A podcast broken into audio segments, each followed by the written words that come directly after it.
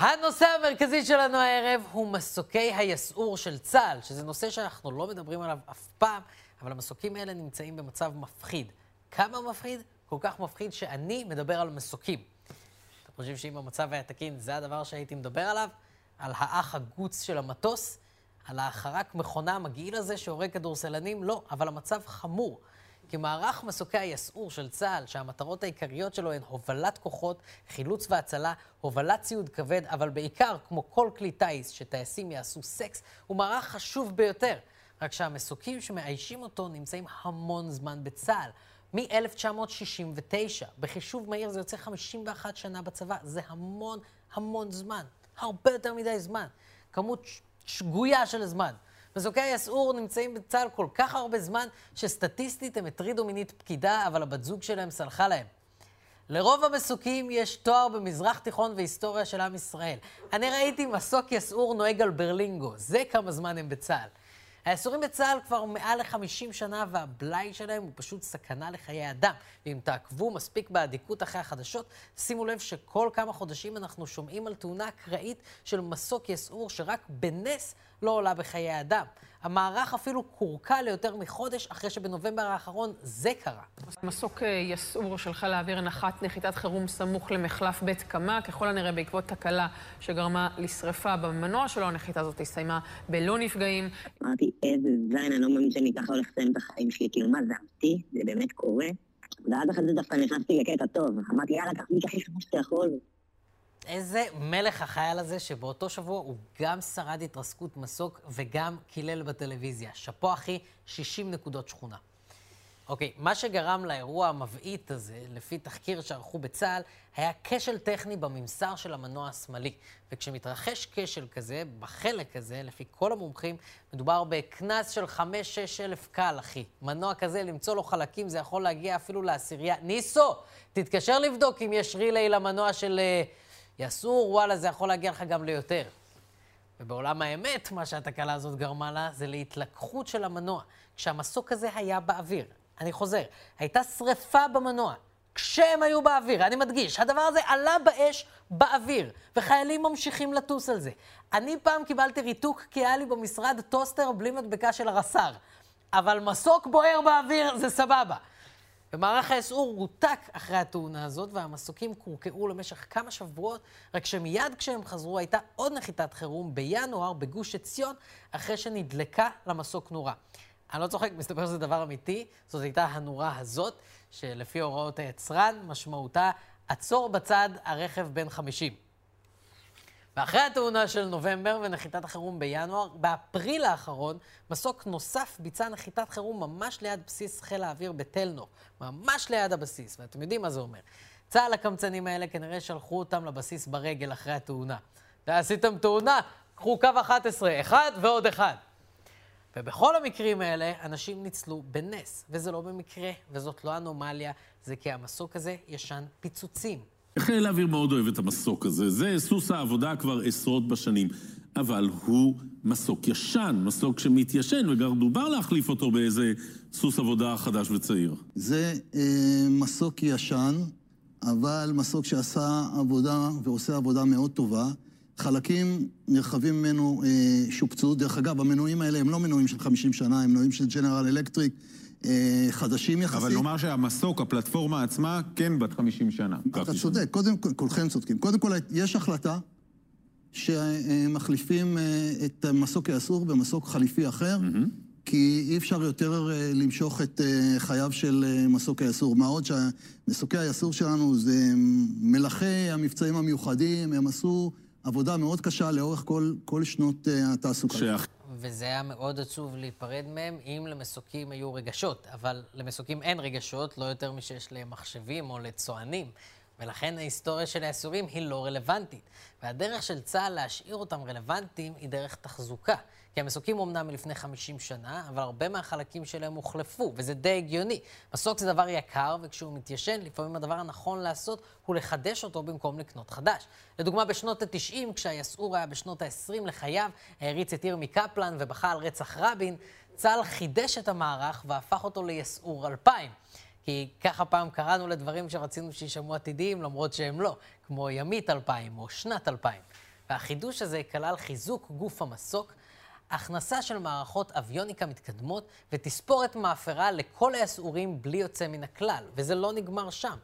ב-2006 היסעורים עברו חידוש נוסף, שכלל הפעם מערכות ללוחמה אלקטרונית, מערכות בטיחות טיסה ותקשורת מבוססת רשת, וגם יכולת הגנה מפני טילי כתף, ואם לוחצים X ומשולש, המסוק יכול גם לראות כדור אש מהידיים.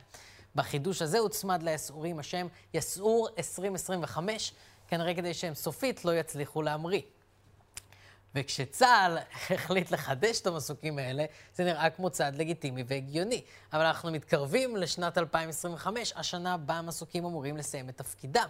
צה"ל כבר הודיע על כוונה להמשיך לטוס במסוקים האלה, אפילו מעבר להוראות היצרן. זה אפילו מצוין בדוח המבקר המדינה. מסוקים אלו היו צפויים לשרת עד שנת 2025, שנה שבה יגיעו רובם ל-10,000 שעות טיסה, שהן תקרת שעות הטיסה שאותה קבע היצרן. ואולם בשנת 2017 החליט חיל האוויר להעלות את תקרת שעות הטיסה של יסעורים אלו עד ל-12,500 שעות טיסה, באופן שיאפשר את הסתם עד סמוך לשנת 2030. עד 2030 אתם הולכים לעשות עוד Pimp My Ride למסוקים המסכנים האלה? איזה עוד חידוש יש לכם לעשות? לשים להם PlayStation בקוקפיט? זה דווקא נראה די כיף, את האמת. וסליחה, אני באמת לא מומחה גדול למסוקים, אבל בהוראות היצרן נקבע שלכל מסוק כזה יש עשרת אלפים שעות טיסה. ועכשיו לקראת 2025 חיל האוויר הגיע להחלטה שאפשר להעלות את תקרת שעות הטיסה של כל יסעור ל-12,500 שעות טיסה. כי כנראה שאבא שלי הוא אחראי רכש של חיל האוויר. והוא מקדם שם את המדיניות שלו לגבי מוצרים, כן, שפשוט כופרת בקיומו של תוקף. אתם אוהבים דגנים עם חלב, אני רוב הילדות אכלתי קורנפלקס עם גבינה. אבל חיל האוויר לא הסתמך רק על אבא שלי, מסתבר שהם הסתמכו על בדיקות שערך הצי האמריקאי, לפיהן התגלה שאפשר להעריך את השימוש באסורים מעבר לעשרת אלפים שעות, שזה טוב ויפה, רק שהאמריקאים בעצמם כבר לא משתמשים באסורים מאז 2013. אנחנו בונים אליהם עד 2030. ושוב, הדיון הזה הוא לא רק דיון תיאורטי, כשאחת לכמה זמן יש תקלה מסכנת חיים ביסעור, שיכולה להסתיים בנחיתות אונס. למרות שחיל האוויר מקפיד להכחיש ש...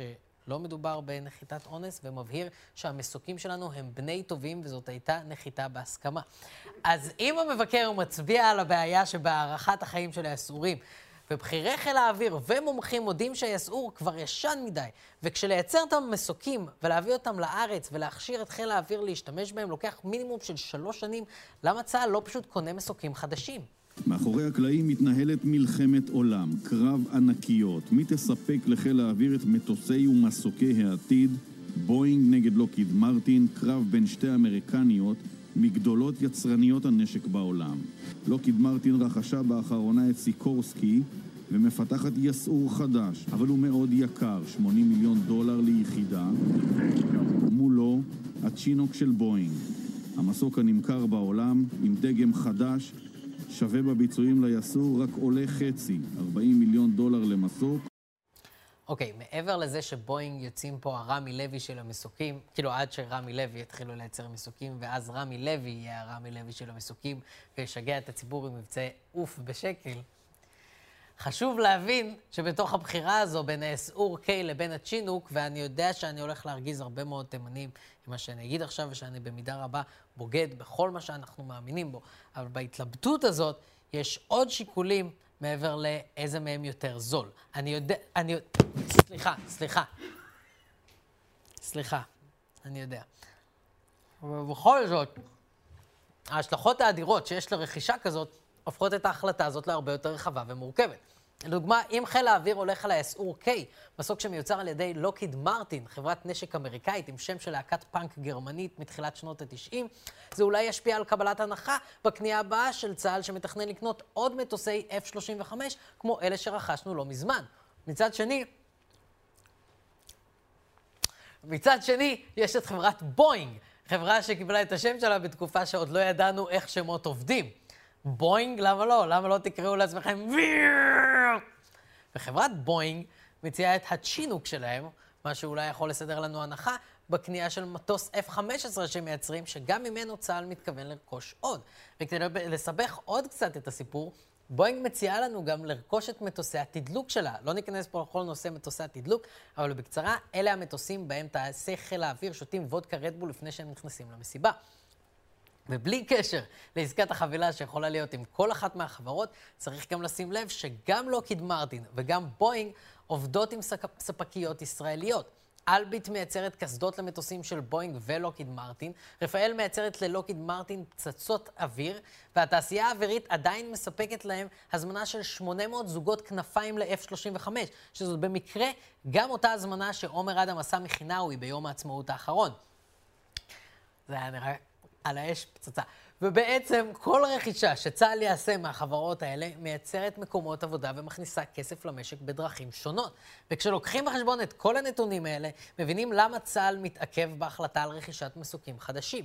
כי זאת לא באמת החלטה רק של צה"ל, זאת החלטה אסטרטגית שמתקבלת בדרג הפוליטי אחרי תהליך ארוך, מורכב וקפדני. ואני לא יודע אם אתם סופרים, אבל בארבע שנים האחרונות היו לישראל חמישה שרי ביטחון. והמזל שלנו הוא שעכשיו, כשיש שר ביטחון אמיתי, שותף קואליציוני בכיר ויציב, שבא לעבוד ומסתכל קדימה, אנחנו יכולים להיות בטוחים שההחלטות האסטרטגיות יתקבלו, וצה"ל יתקדם למסוקים חדשים שיפסיקו לסכן חיי אדם. לפי כל הסימנים בדינמיקות הקואליציוניות האחרונות, אה, וזו ממשלה שקמה זה לא מכבר, שנת 2021, גם היא תהיה שנת בחירות. החלטה על אופי התקציב יכולה לשמש את נתניהו כדי ללכת לבחירות, מבלי להעביר את ראשות הממשלה לגנץ. אם לא עובר תקציב תקציב נוסף עד מרץ 2021, בעוד עשרה חודשים, ישראל הולכת לבחירות. אם תבטלו את ההסדר של ראש הממשלה החלופי, המשמעות היא הליכה לבחירות. התערבות בדבר הזה תביא לפירוק הממשלה והליכה לבחירות. למה? כי אם אתה זוכר, בששת החודשים הראשונים של כהונת הממשלה, לפי ההסכם והחקיקה, אז אם בג"ץ מתערב, הולכים אוטומטית אה, לבחירות. זה מייאש. כי כולנו יודעים שיום אחד, חס וחלילה, תהיה פה תאונה כן קטלנית. ואז תקום זעקה ציבורית ויקדמו את ההחלפה של המסוקים, וכולנו נצטרך לשאול את עצמנו כמה באמת אכפת למקבלי ההחלטות שלנו מהבטיחות של חיילי צה"ל. וכשזה יקרה, אני אפנה מפה לרס"ר אסף ליברטי ואגיד לו, אתה חייב לי טוסטר, יא בן זונה. זהו, אנחנו סיימנו, תודה רבה לכם, לילה טוב.